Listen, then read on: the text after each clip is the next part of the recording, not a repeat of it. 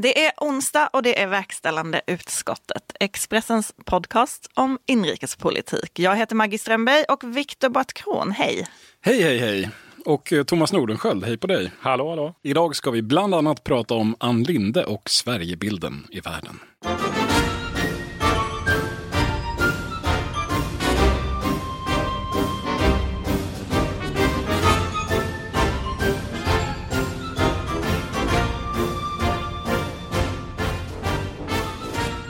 Vecka sedan så gjorde ju utrikesminister Ann Linde en intervju i eh, tyska Deutsche Welle i programmet som heter Conflict Zone. Och eh, hela mitt midsommarflöde var i alla fall inte fullt av midsommarkransar utan arga moderater som var fullständigt upprörda över det här. Ja, eller uppspelta beroende på hur man ser det. Ja. eh, Kan man väl säga. Jag, hade, jag vill bara poängtera att jag hade en annan midsommarkrans i mitt flöde också. Jag Jag, jag, jag kan ha ett internet. mer folktillvänt flöde än du. Men det stämmer. Det var en stor viral antisuccé får vi säga. Det var en hel del upprördhet kring den här intervjun. Och intervjun, om man ska, eller vet ni vad, vi lyssnar på den. Ja, Well, actually, we had the same goals as most other governments. That is to save life and, and uh, uh, health, and also to keep the system in the health service able to cope with this very strong push on the limits. And actually, we managed to flatten the curve. We have never have uh, uh, uh, problems with getting sick people into the healthcare. Um, and actually, also, we have managed to get our people to follow the recommendation, and we also have legally binding measures like social distancing and uh, also washing your hands, don't travel, work from home, all of those issues. What we have not managed to do is to keep the uh, virus out of the elderly care center in specific region of Stockholm and the surrounding of Stockholm. So I would say that it's a tragic for each death, but it's not possible to compare uh, with uh, any country. Some countries who have had complete lockdowns has uh, far more death tolls than we have. So it's actually of no use to do such uh, comparisons. Men det här är alltså eh, Ann Lindes första svar i den här intervjun eh, på frågan om Sveriges strategi och varför det finns 5 000 döda i Sverige när det ser så annorlunda ut i våra grannländer. Och här kan man ju säga att hon eh, eh staplar regeringens talepunkter på varandra. Hon hinner med ganska många på 1.30. Ja, det får man säga. Och jag tycker att, det, jag har försökt lyssna på den här igen och ja, det låter kanske inte jättebra, men, men det låter ju precis egentligen som det brukar låta. Alltså, Ann Linde säger ju ingenting kontroversiellt i den här intervjun i jämförelse med vad regeringen brukar säga. Hon lägger ju fram egentligen regeringens linje, men på en lite stolpig engelska, vilket gör att den kanske framstår eh, i ett lite krassare ljus än vad den brukar göra när den blommas in i talepunkter på svenska. Eller hur ska man... Eh... Ja, men jag tänkte, förutom kanske två saker, hon säger ju att, man, att vem som helst kan gå och testa sig även om de inte har symptom. Och det har hon ju sen sagt att nej men det där stämmer inte. Och sen så pratar hon ju, när hon ska beskriva den svenska äldrevården så, så pratar hon ju om att liksom, vi har väldigt många privata utförare i Sverige. Och hittills så visar ju, finns det ju ingen, eh, finns det ju ingenting som tyder på att det har gått sämre på de privata, inom den privata äldrevården. Så det har hon ju också fått kritik för. Men förutom det så är detta ju, jag skulle säga att det är rakt av samma intervju som jag gjorde med Stefan Löfven förra veckan. Alltså man kunde bara, hade han pratat engelska hade det låtit så här. Förutom att han väl är kanske lite bättre på Jag engelska. tror det ändå. Definitivt. Faktiskt. Det är väl alltså ödmjukheten någonstans. Det är väl den, nu kanske inte det är Ann Lindes starka sida även annars, men på engelska blir det på något sätt ännu mer brutalt avskalat. Intressant. Och det är ju någonting man sa, det vet jag att man, alltså Ann Linde, det har ju varit lite känt om henne. Det vet jag man hörde när Margot Wallströms tid på UD gick mot sitt slut och man frågade, eh, frågade någon på UD sådär, vad, eh, det, det kommer ju bli Ann Linde som då var handelsminister och då sa de nej, nej, nej, det, det, hon är inte tillräckligt bra på engelska. Eh, så så att det, det där med språket verkar ju vara någonting som eh, i alla fall en del eh, som har jobbat nära henne har eh, tänkt på det är som vi faktiskt pratade om förra veckan när vi gick igenom och redogjorde lite för regeringens talepunkter i den här eh, frågan. Att det här med äldrevården blir ju också, alltså regeringen håller sig ju väldigt mycket vid att anledningen till att så många har dött i Sverige är att vi har problem inom äldrevården. Men samtidigt så tittar man runt om i världen så ser det ju ungefär likadant ut. Alltså det är lika hög andel som har dött på äldreboenden. Och det gör ju också att den där argumentationen blir lite svårare i en internationell kontext än kanske bara att hålla hemma i Sverige. Där vi liksom kan vara överens om att det borde vara bättre på äldreboendena. Men den håller liksom inte riktigt fullt ut. De behöver kanske hitta lite mer förklaring. Än bara ja, den. men det blir också, det, det finns någonting i det här där, i, som i den internationella, alltså om vi säger så här.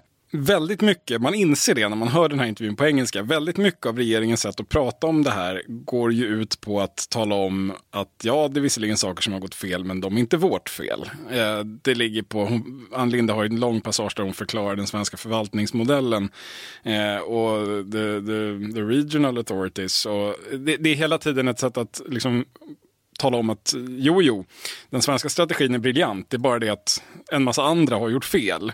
Det där kanske funkar lite mot en svensk publik, men i den här, det här sammanhanget så, så upplever man att det blir ett eh, extremt... Alltså när regeringen talar för Sverige och, och, frågan är varför har Sverige misslyckats? Och får svaret att Sverige har inte misslyckats. Det är bara våra privata äldreboenden, våra kommuner, våra regioner, eh, folk som inte lyssnar på myndigheter. Det, det blir väldigt, eh, det blir väldigt märkligt. Det blir som att regeringen är en, en egen enhet som inte har någonting med Sverige att göra. Och regeringen har minsann gjort rätt, men, men Sverige har misslyckats. Det, det, det, det, är en typ av argumentation som jag tror faller väldigt illa ut i ett eh, internationellt sammanhang där man förutsätter någonstans att regeringen talar för landet och regeringen tar ansvar för landet.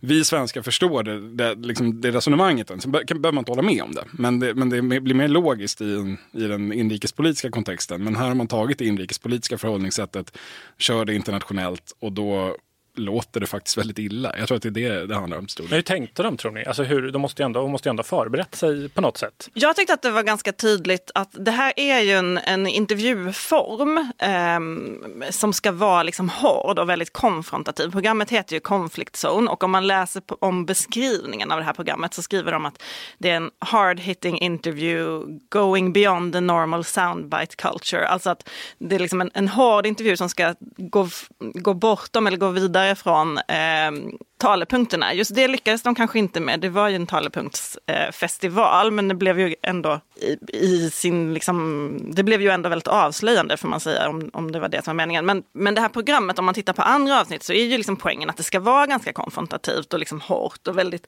liksom lite insinuanta frågor. Man säger, är, är det inte shameful att det ser ut så här? Är det inte, liksom? Och Ylva Johansson gjorde det där, den där intervjun för några veckor sedan och man kan ju tänka sig att Ann Linde har liksom kollat upp den där formen. För hon var ju själv oerhört konfrontativ och liksom gick, gick väldigt hårt vill i sina inte kasta, svar. Vill du kasta Sverige ut ur EU? Ja, och det ser ju kanske ännu konstigt ut om man bara ser på ett avsnitt. Man bara, men vad är det här för något? Liksom? Ja, men vi hade ju en, eh, Magdalena Andersson var ju ute i eh, Le Monde. Le Monde ja, den stora franska, jag höll på att säga Frankrikes motsvarighet till DN, men det, det, det, det, det kanske DN skulle bli glada för, så vi säger det. Vi har varit lite elaka ibland. Eh, Le Monde, stor viktig tidning, läses frekvent i Bryssel. Och hon uppfattades också ganska dryg, Thomas. Ja, nej, men det är, väl, det är väl ett spår i den här Ann Linde-intervjun och även som Magdalena Andersson gav uttryck för där som, eh, som ju handlar om, som jag tror, om det är någonting som kan vara besvärligt eh, på den utrikespolitiska arenan så är det väl just det här eh, oförmågan att förklara varför Sverige inte vill hjälpa länder i Sydeuropa eh, som eh, plågas i eh, sviterna av, eh, ja, de ekonomiska sviterna ska man säga av hela den Då pratar krisen. vi om EUs räddningspaket. Ja, men det här Sverige med... och ett uh, mindre antal länder är, ja. står emot. Ja, men de här snåla, den snåla pakten. Och det, det, stora som har hänt här är ju Tyskland som, som svängde och helt plötsligt börjar förespråka att man ska ge bidrag eh, till eh, eh framförallt då länder i syd, södra Europa. Och det är ju en jättegrej. Eh, och helt plötsligt när britterna är på väg ut så står Sverige ganska ensamma. Och då var Magdalena Andersson för ett antal veckor sedan i, med i Le Monde och skulle förklara detta och lyckades väl inte göra detta alls enligt många. Eh, och eh, nu skulle Ann Linde eh, göra detta och lyckades väl kanske inte heller. Och det, eh, summa summarum så är det väl två eh, ministrar som framstår som ganska dryga och enligt då kritikerna.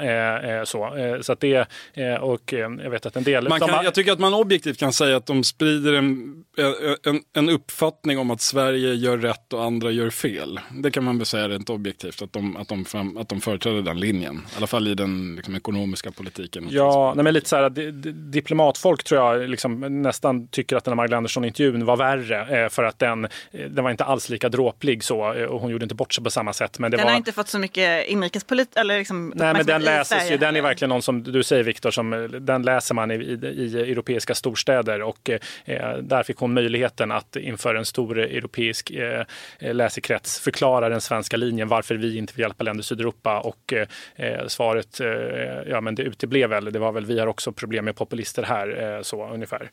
Men, men just eh, det intressanta med den här eh, Ann Linde-intervjun är ju att hon på något sätt, hon, hon har ju inte varit så kritiserad som utrikesminister tidigare. Nu var det ju väldigt hårt från, från borgerligt håll, eller hur?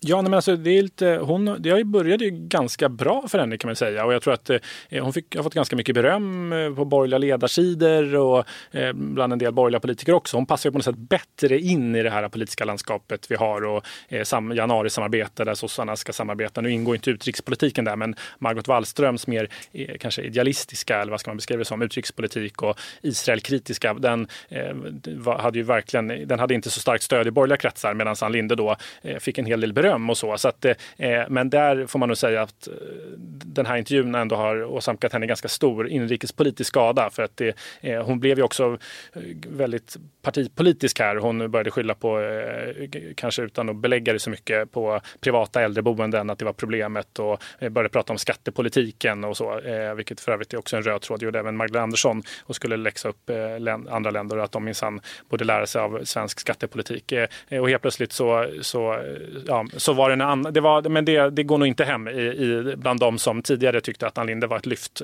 De kanske inte riktigt tycker det längre, tänker jag. Men det följer samtidigt en god svensk tradition att vi gillar Europa europeiska internationella samarbeten eftersom det erbjuder en ny scen att tala om för andra länder att de borde göra som Sverige. Nu har det här lite ställts på sin spets. Eh, och, ja, men det var New York Times som i veckan hade den här rubriken om att Sverige prövar en ny ställning som paria-stat.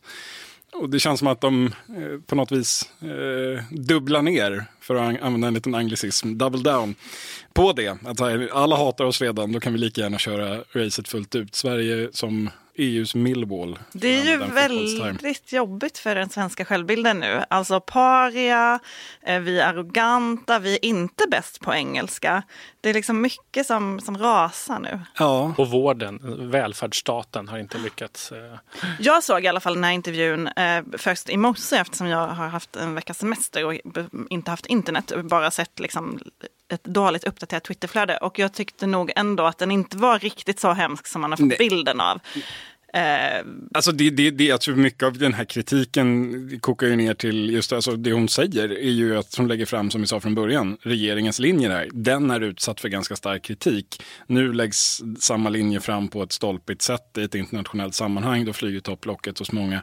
Eh, Men jag tror inte att man ska överdriva liksom skadan för Ann Lindes roll som utrikesminister i en svensk det här är inte i grunden en utrikespolitisk fråga i Sverige i alla fall. Så ja, det är, det är bara att bryta ihop, komma igen och kanske ringa in den där Sven-Erik Bucht-läraren som var med förra mandatperioden.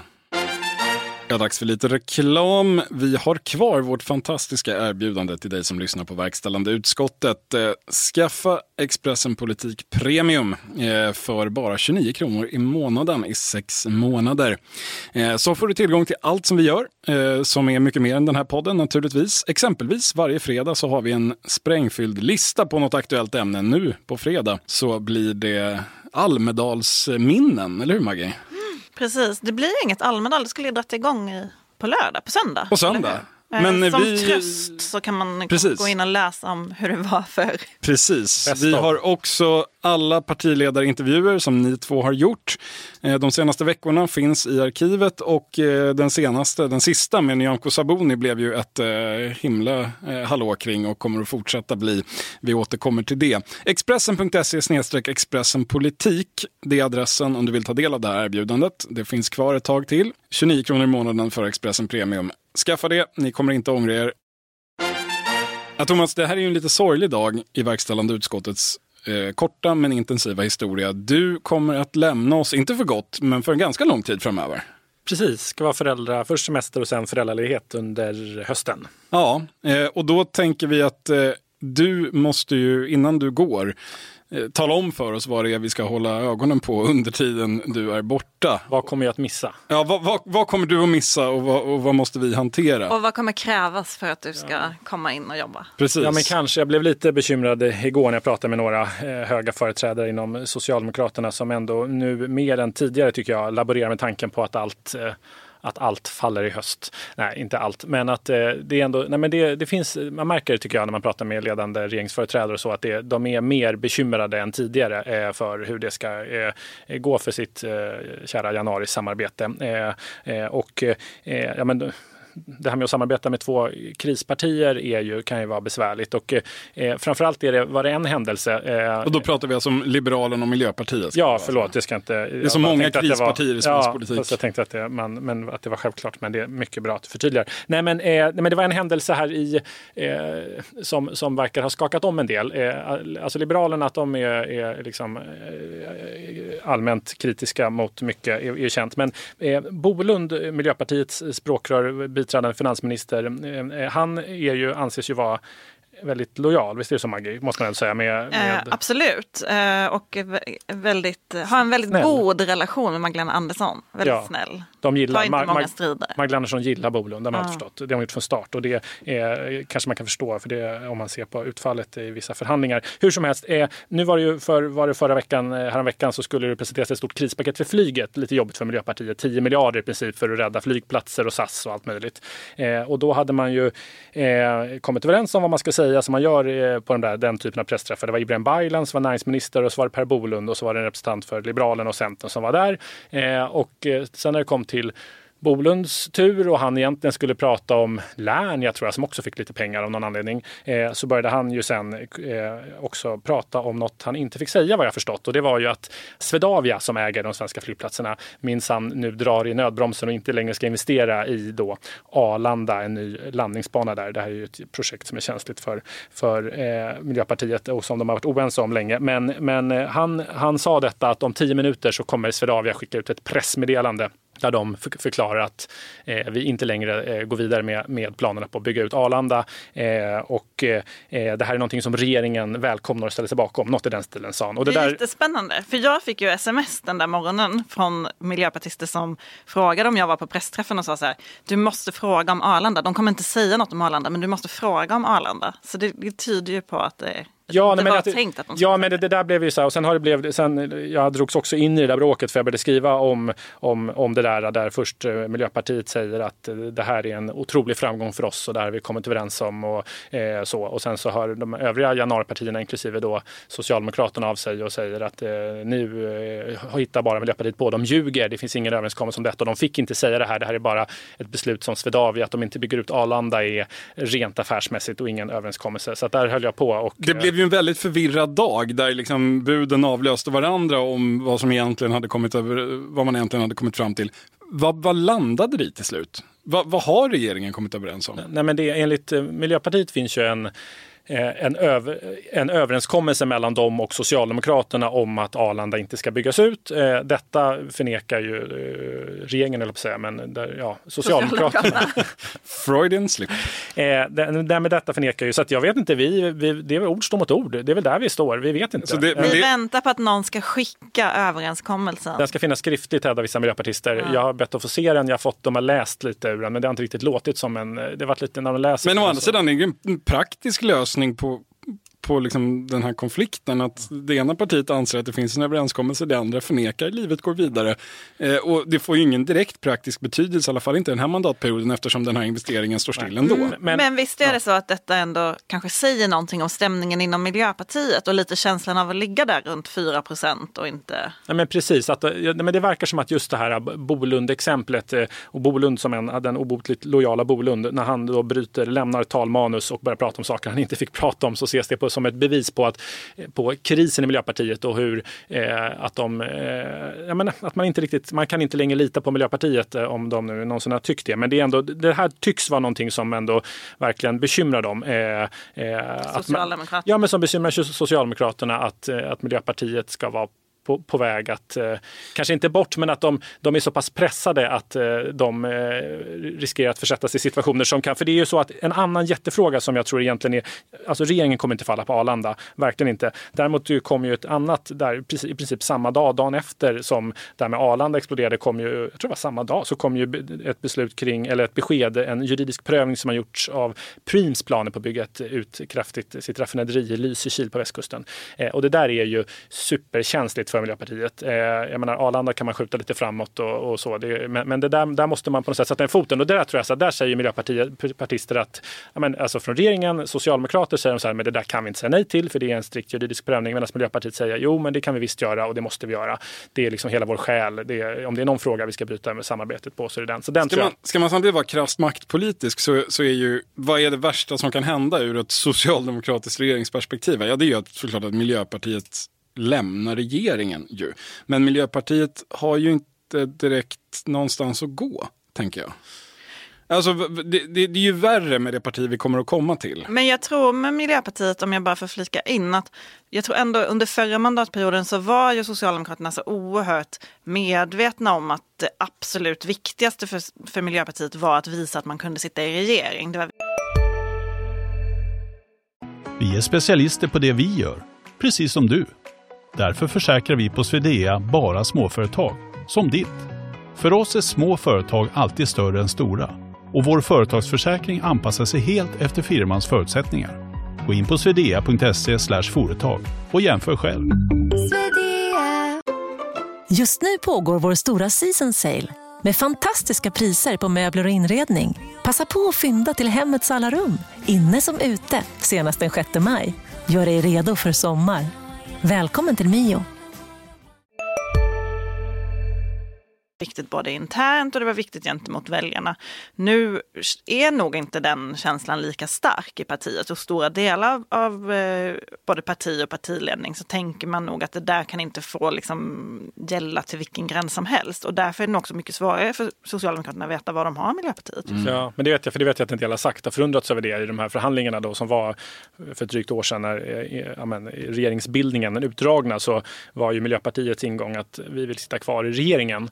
Eh, och det var ju en ganska dålig ingång i de förhandlingarna för de, eh, de fick ju inte ut särskilt mycket. Eller det var lite, så här, mycket, lite vaga saker. Dels var det höghastighetsbanor och sen någon grön skatteväxling. Men det, ja, det, var inte så, det var inte konkretiserat på samma sätt som en massa saker Centerpartiet fick till exempel. Och det pekar en del på att det var just att går man in i förhandlingarna med det främsta målet uttalade att vi vill behålla vår plats i regeringen så är inte det lika bra som att säga att vi... Som att vara Liberalerna. Att vara... Berätta om Liberalerna. Palme. Ja, nej, men det är väl det andra här eh, eh, som väl jag tror, eh, eller som uppenbart bekymrar och det har väl gjort det ett tag. Men krisen i Liberalerna har ju ändå, får man säga, den har djupnat eller det är liksom... Den har stelnat kan man säga.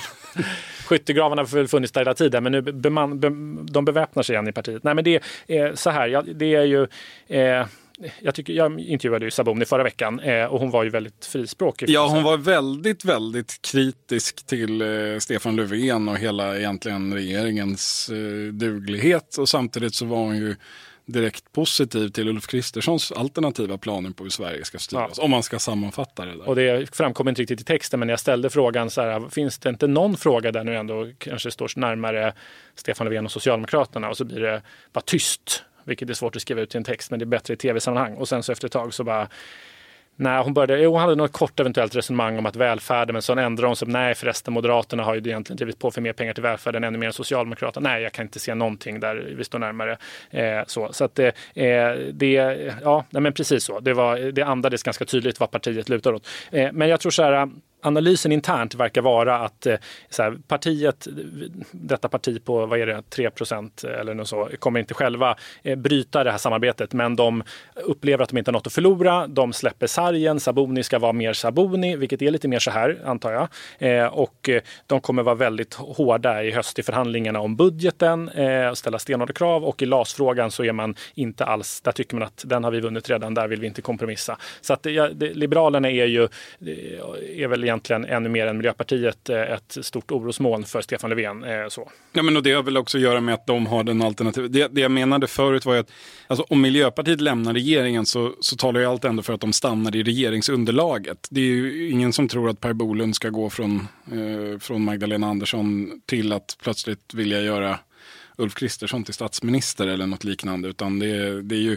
men Liberalerna har ju en, har ju en tydlig alternativ agenda som, som tycks växa i, i styrka. Och, och där i ligger ju liksom det, det explosiva där, tänker jag. Men man kanske tänker ändå att man eh, i opposition eh, kommer kunna växa till liksom det man en gång var. Eh, det kanske man kan pratar göra. Miljöpartiet? Nu pratar jag om Miljöpartiet, Ja. men det kanske man kan göra i, i, ett, i ett budgetsamarbete där man är friare också. Att man tycker att det ser lockande ut det som COL håller på med. Det vet jag inte hur tankarna går. Men eh, man har ju i vilket fall valt språkrör som kanske inte direkt är oppositionspolitiker. Eh, så att frågan är om det, det är liksom intressant väg. att det fungerar så pass, att det verkar vara liksom efter detta ändå hyfsat långa äktenskap nu mellan Socialdemokraterna och Miljöpartiet som ändå inleddes redan på Mona Sahlins tid. Eh, eh, att det, att det inte, Eller redan på Göran Perssons tid. Ja, men att det inte liksom, att de inte fortfarande, eh, att det inte fungerar bättre. Det är så. Att, ja, men, Det är två väldigt, väldigt olika ja. partier. Inte för att göra reklam, men jag har skrivit en bok om detta. Just det, eh, vi blev som de andra. Den finns inte längre för den är makulerad, men man kan väl låna den på biblioteket. Eller Man kan jag har den. man kan jag- mejla mig, jag har 200 i en lada på, i Östergötland.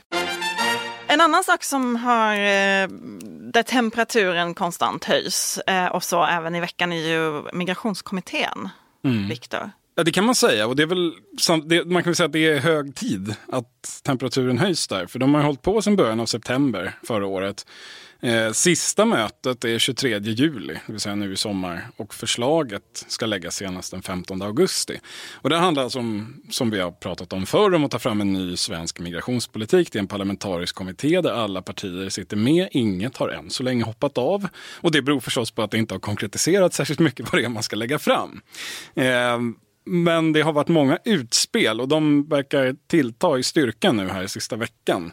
Alla Så- utom Socialdemokraterna som ingen riktigt vet vad de... Nej, det är precis. Det är väl lite det som är kärnfrågan här. Alla partier kommer med olika utspel och kräver att Socialdemokraterna ska ta ställning. Senaste veckan har vi i alla fall sett att Vänsterpartiet var ute igår, tror jag, tisdag, och var oerhört kritiska. De menar att Moderaterna har kidnappat hela kommittén eh, och att Socialdemokraterna låter det hända. Centerpartiet, Aftonbladet hade ett avslöjande om Centerpartiet baserat på anonyma källor som sa att Centerpartiet är beredd att kovända om eh, migrationspolitiken och gå med på högerns krav. Eh, kändes som att det kom från håll som kanske inte var helt nöjda med den utvecklingen. Eh, I grunden så kokar det här ner till, tänker jag, att det ska ju byggas en majoritet här. Det, är ändå så, det, det måste komma fram förslag som har ett majoritetsstöd som ska klubbas i riksdagen. Det finns två möjliga majoriteter egentligen. Det ena kan vi kalla den restriktiva majoriteten och det är ju en där Socialdemokraterna och Moderaterna är är kärnan och då behövs egentligen inte särskilt många andra partier. Och behövs det något så finns Kristdemokraterna som kommer ställa upp på det. Förmodligen även Liberalerna, minst. Eh, det finns den, den alternativa majoriteten som, som vi kan kalla för den snälla majoriteten. Det är ju den som Vänsterpartiet eh, vill ha. Eh, S, V, MP, C framförallt. Kanske även L. Den snälla lät lite... På vilket sätt är de snällare menar du? Eh, men, men, alltså, Att de om vi pratar om de, de, de snälla och de hårda. Va? Ja, alltså, vi okej, De brukar- goda och de onda? Ja, de... de, de, restriktiva och de släpphänta. Alltså, Ja. du, du kan använda vilka, vilka Ja. ord du vill. Jag, det, det brukar, ordvalen brukar baseras på vad man själv tycker. det var det är svårt tänkte. att använda helt värdeneutrala ord. Men vi säger att den, vi, vi, kan säga, vi kan använda de ord de, de själva skulle föredra. Skulle vi säga den, den strama majoriteten och den snälla majoriteten. Eh, I alla fall, den som vill ha en mer generös migrationspolitik bör ju hoppas på major- en majoritet som, som grundar sig i att eh, Vänsterpartiet, Miljöpartiet, Centerpartiet eh, trycker med sig Socialdemokraterna som man gjorde i januariavtalet. Det verkar ju inte hända. Ehm, därför att ehm, och- S vill väl bli överens med M? Ja, och Centern vill också att S och M ska bli överens. Och det där är ju lite intressant, för säga, ur Centerpartiets perspektiv, eh, det här har ju att göra med det som det skrevs om i veckan. Alltså ur Centerpartiets perspektiv så skulle ju den här liksom snälla majoriteten, alltså vänstermajoriteten, den skulle ju förmodligen med all sannolikhet ge mer centerpolitik än vad den eh, breda, strama majoriteten skulle göra. Ändå verkar Centerpartiet, och har varit hela tiden Thomas, du intervjuade Annie Lööf när den här kommittén började, så var man väldigt tydlig med att man vill absolut ha med Moderaterna på det här. Ja, och då tänkte väl folk att det där är någonting de säger men inte riktigt menar. Men, eh, det, men de menar det. Ja, sen vet jag inte om det är så pass, att de är så pass långtgående som, Afton, som påstods i Aftonbladet-artikeln. Men att de har varit, det säger mina, upp mina källor också, att de har varit kompromissvilliga eh, så, och eh, verkligen eftersträvat den här eh, SM-lösningen är ju uppenbart. Sen om de själva skulle ingå i den, det är en annan fråga. Nej, precis. Men men det, det, det, verkar finnas ett så här osynligt tryck om att helt enkelt, det, det, liksom, även Kristdemokraterna vill ju också att SOM ska göra upp, trots att de har vissa egna ståndpunkter som också skulle egentligen komma bättre till pass i den där liksom, snälla majoriteten.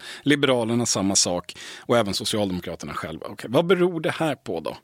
Ja, alltså en förklaring tror jag ligger i hur partiernas interna alltså väljaropinioner ser ut. Det är lätt att det, den, den aspekten missas ju gärna.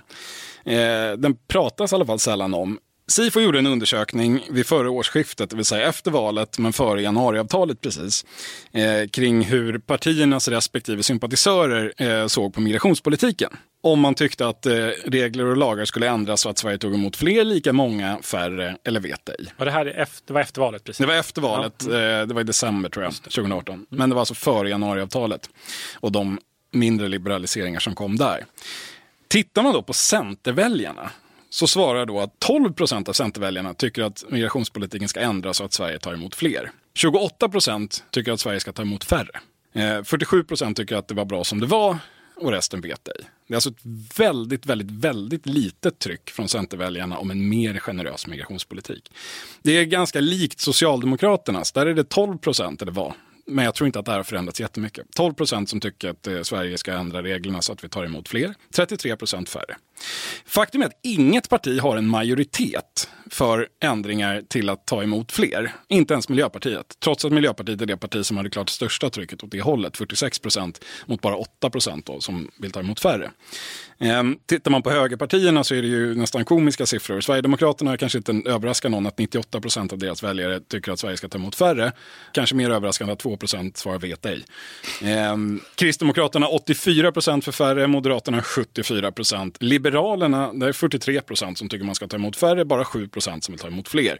Så liksom, det finns ju ett tryck eller ett, i alla fall ett, ett obefintligt tryck för en liberalisering kan man säga. Och, och, jag tror att det här spelar in i varför till exempel Centerpartiet, eller kanske framförallt Centerpartiet, desperat gärna vill att Socialdemokraterna och Moderaterna löser ut den här frågan, tar den av bordet så att man kan prata om annat. Naturligtvis helst också så att Centerpartiet själva slipper eh, vara de som står bakom en eh, restriktiv politik. Men, som... ja, jag tror, men jag tror också att en stor liksom, nyckel ligger väl i det du säger sist här, att få frågan från bordet. Alltså skulle man komma överens i den som du kallar den snälla majoriteten, då skulle frågan fortsätta.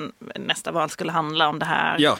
Eh, det skulle bli liksom en ännu tydligare konflikt som skulle vara supertydligt höger-vänster-skiljande. Det skulle bli, skapa jättestora problem för Socialdemokraterna förstår man ju. Ja, men då, alltså för, alltså för jag tänker för Centerpartiet så är det ändå så, även fast man, eh, det ofta beskrivs som att de är så otroligt förtjusta med det här nya samarbetet med Socialdemokraterna så tror jag att i Centerledningen så, eh, så vill man ju definitivt hålla dörren öppen för eh, att kunna få till en borgerlig regering efter, efter nästa val igen. Och då är ju, jag menar att, att en uppgörelse där, där man löser ut den här frågan är ju att föredra även för Centern för att hålla, kunna hålla dörren öppen. Ja, men, men däremot tycks det ju som att Centerpartiet ändå fortfarande är det och det är väl liksom det enda borgerliga partiet kanske nu som inte kommer ändra sig med SD.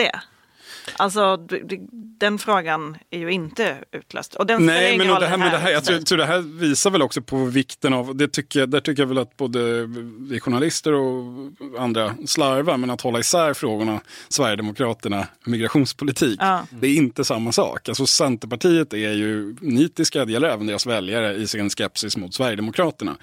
Men det betyder inte att man för den skulle vilja ha en migrationspolitik som är rakt motsatt Sverigedemokraternas hållning. Det är ganska tydligt i det här. Däremot vill ju alltså ganska, alltså det, för det du pratar om är ju väljarna, men det, ser ju, det finns ju ganska många aktiva centerpartister som, tycker, som inte tycker som sina väljare. Gud ja, alltså, gud ja. Men, men, absolut, och där, därför är vi ju, eh, liksom, det, det, har ju visat sig många gånger under de senaste åren och det visar sig hur man pratar om saker och ting. Men, men om man ska se till vad är man beredd att uh, verkligen ta strid om eller vilka, liksom, vad, vad, ser man som ett önskvärt lämpligt utfall? Så tror jag att man ska inte underskatta den här aspekten. Att här, man vet eh, hur opinionen ser ut. Och, men jag tror ändå att man kan, man kan se här att det, det är ganska många partier som ligger klart mer liberalt än sina väljare i den här frågan. De stressas lite av det och skulle gärna se att någon annan löste ut det åt dem. Ja, när verkställande utskottet sammanträder så ingår alltid punkten övriga frågor. Och idag tänkte jag passa på att ta chansen nu när jag har båda våra partiledarintervjureportrar på plats, Maggie och Thomas. Mm. Eh, och höra lite om eh, hur ni har tänkt kring den där serien egentligen och vad ni har fått för reaktioner. Oj, men det var, vi har fått eh, jättemycket reaktioner och, och har, känns som vi har hållit på med det här i en mindre evighet. Det tog så lång tid. Men eh, jag, en sak som jag tyckte var väldigt intressant och som vi också har pratat med varandra lite om under tidens gång var just reaktioner på till exempel Twitter eller på mail eller så, där man ser att det finns en, en väldigt stark efterfrågan på väldigt hårda frågor, alltså så här lite debattiga frågor, typ de som Ann Linde utsattes för i eh, det här tyska tv-programmet. Medan vi, vår ambition har varit väldigt tydliga med att vi vill få partiledarna att prata och därför har valt liksom en lite annan intervjumetodik till stora delar. Eller hur Thomas? Ja, nej, men precis så. Eh, jag tycker att det, jag intervjuade ju Jimmy Åkesson och då eh, alltid när man intervjuar honom så får man ju reaktioner. Men där, det var ju ett sådant exempel där eh, han mycket fick lägga ut texten själv eh, och så. Eh, och jag tycker att det ändå, om jag får säga det själv, blev... Eh, nej, men den, eh, var, han sa ganska mycket och det var, blev ganska illustrativt för, för hur partiet står. Det var ju bland annat det här med att han vill gå in och sparka myndighetschefer. Så. Eh, och jag tror att hade man gått in i den intervjun med väldigt konfrontativa, lite skjutjärnsmetodiken eh, i hur man ställer frågor så hade man inte, då hade inte han lagt ut texten på samma sätt. Nu var det mer så att han fick tid att förklara eh, hur han, eh, hur han eh, vill hantera de här myndighetscheferna som enligt honom är socialdemokrater och vänsterliberaler. Och då sa han det. Eh, så att, eh, Men det är intressant för jag hade själv gjort någon intervju med honom bara några dagar innan det hade ställt den här andra frågan, typ så här, ska du som politiker ha synpunkter på Anders Tegnell om enskild tjänsteman på en myndighet? Och det, där hade han ju ett väldigt tydligt liksom, inövat svar på den liksom, mer kritiska frågan. Men däremot om man ställer en mycket öppnare, så här, hur ser du egentligen på liksom, jag kommer inte ihåg exakt hur du formulerade det, men kring hur han ser på de svenska myndigheterna. Då fick man ju ett jätteavslöjande svar. Ja, men som ändå, ja, men eh, de var säkert nöjda med det själva och de som inte gillar Sverigedemokraterna var nog, tyckte nog att eh, eh, det där var hemskt det han sa. Men eh, han tycker ju så, så det var väl bra att han fick säga det, tänker jag. Eh, men, men vi kanske ska, det är ju Savatsky, vi som har läst på journalisthögskolor och så. Kan inte du berätta, vem är Savatsky? Och, Jo, men det här är ju eh... Savatsky var ju en, en, kanadensisk, eller är en kanadensisk journalist, men han är nog pensionerad nu, han är ganska gammal, han är över 70. Som liksom revolutionerade journalistiken när han på 90-talet eh, kom fram till att skjutjärnsfrågor funkar inte i, i vissa typer av intervjusammanhang. De är jättebra ibland, men, men ofta så kommer man mycket längre genom att ställa sig väldigt öppna, konfliktfria frågor där man ber folk själva beskriva. Och när svenska journalister, han liksom föreläste om det här, typ, och, och även svenska journalister gick mm. kurser hos honom. Det, liksom på Journalisthögskolan får man lära sig det här, det verkligen förändrade allt. Eh, och kanske mer likt hur man jobbar idag inom polisen och, och eh, psykiatrin och sådär. Ja, men precis, så är det. Um, en polis som går in och ska förhöra sitt, eh, eh den misstänkta och, är alltför konfrontativ anses ju inte kunna få ut alls lika mycket som om man har ett, skapar en mer förtroendefull ja, relationssituation. Och en av de första politiska journalister som använde det här var ju Erik Fichtelius. Berätta om... Ja, nej, men det, är ett, det är ju eh, ett, eh, en anekdot som jag tycker är lite rolig och talande som jag har snott från Björn Häger som har skrivit mycket om, om, eh, om, om Savatsky och, och hur man intervjuar. Och, nej, men han gick ju den här, han var då Erik Fichtelius som då var, måste ha varit på Sveriges Television, en av landets tyngsta eh, politikreportrar, kommentatorer, eh, hade gått hos, hos Savatsky eh, och fått höra detta och gick därifrån med väldigt eh, helt upprymd. För han var en av dem som verkligen hade förespråkat den andra skolan, skjutjärnsskolan tidigare.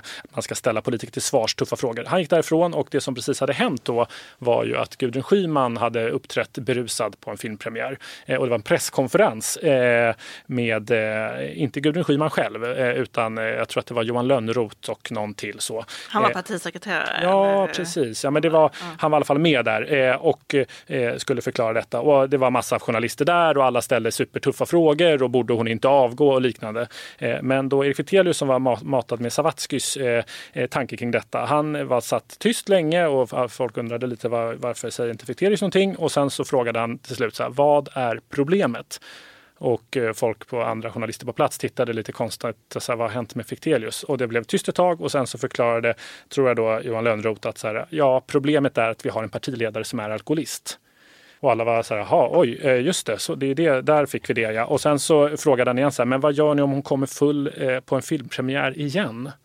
Ja, då blev svaret, ja, hur skyddar man sig mot en katastrof? Och så hade han fått ut de i särklass bästa citaten, kanske, ja, kanske det året, framförallt på den pressträffen. Eh, och efter det så, det där var på något sätt ett genombrott för den metoden i Sverige. Och eh, eh, eh trots dessa pol polariserade tider så tror jag ändå så här, jag vill ändå hävda att det där är ett väldigt mycket mer effektivt eh, sätt än att springa på presskonferens och, och fråga, borde hon inte avgå? Eh, Men man ser ju väldigt tydligt i, liksom, man ser ju ehm, att det från publikens håll har funnits, finns efterfrågan på en annan typ av mycket hårdare frågor, debattiga frågor. Där man, och, och det är klart att de här frågorna ska ju följas upp med följdfrågor. Det är klart att politiker liksom verkligen ska ställas till svars. Men, men eh, jag tycker det är intressant, för länge inom liksom, journalistiken så har det funnits bilden av att den där skjutjärnsfrågorna, publiken tycker inte heller om det. det man, publiken får snarare sympatier med den som blir intervjuad. Eh, och det finns ett problem ur, ur, den aspekten också. Men det verkar liksom ske kanske något skifte där. där. Jag vet inte, men mitt, mitt ja. twit, mina Twitter-mentions kanske inte är det, representativa. Det, det, det är inte möjligt, möjligen är det så att även på 70-talet så hade de 500 argaste Absolut. på den ena kanten, de mest aktiva på dåtidens insändarsidor föredragit hårda frågor mot Torbjörn men, det men det är ju intressant det här tycker jag. I liksom, eh, det, det pratas ju mycket om liksom hur svenska journalister agerat på de här pressträffarna på Folkhälsomyndigheten och så. Eh, och där kommer väl också ske någon form av självrannsakan, möjligen. Det är kanske inte journalistikens starkaste gren. Men det kommer ju bli intressant att se. Vad lär man sig av det här? Hur utvecklas? Mm. Jag tyckte det var, det var intressant på, det blev ju diskussion efter att eh, Jenny Strömstedt på TV4 intervjuade Paolo Roberto och då fick ju hon och TV4 kritik för detta. Men man skulle ju eventuellt kunna använda det som exempel på eh, den typen av lite mer öppna frågor. Eh, han sa ju faktiskt mycket saker och alldeles för mycket saker. Eh, och hade frågorna istället varit väldigt mycket mer konfrontativa eh, så kanske hon inte hade fått ut det. Nu... Han sa ju till och med där, det var ju det som till och med ledde till en vidare polisutredning, eller hur? Eller en förundersökning kring Ja, och då kan man, precis så. Oaktsam våldtäkt. Ja. Oaktsam våldtäkt. Förlåt. Precis. Ja, nej men vi ska säga det kanske att det är inget brott att vara partiledare, i alla fall inte utgångsläget. Men vi eh, fortsätter att göra vårt bästa för att få fram så mycket värdefull information som möjligt från dem. Precis så. Svars när det behövs. Ja, du har lyssnat på Verkställande utskottet, Expressens podcast om svensk inrikespolitik idag med Thomas Nordenskjöld, Maggie Strömberg och mig, Viktor Bart Kron. Eftersom vi tar vårt uppdrag på allvar så är vi tillbaka även nästa onsdag. Hör oss gärna igen då. Till dess, ha en trevlig vecka. Hej, hej.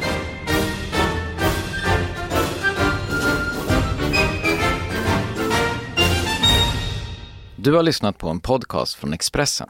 Ansvarig utgivare är Klas Granström. Hej, Synoptik här.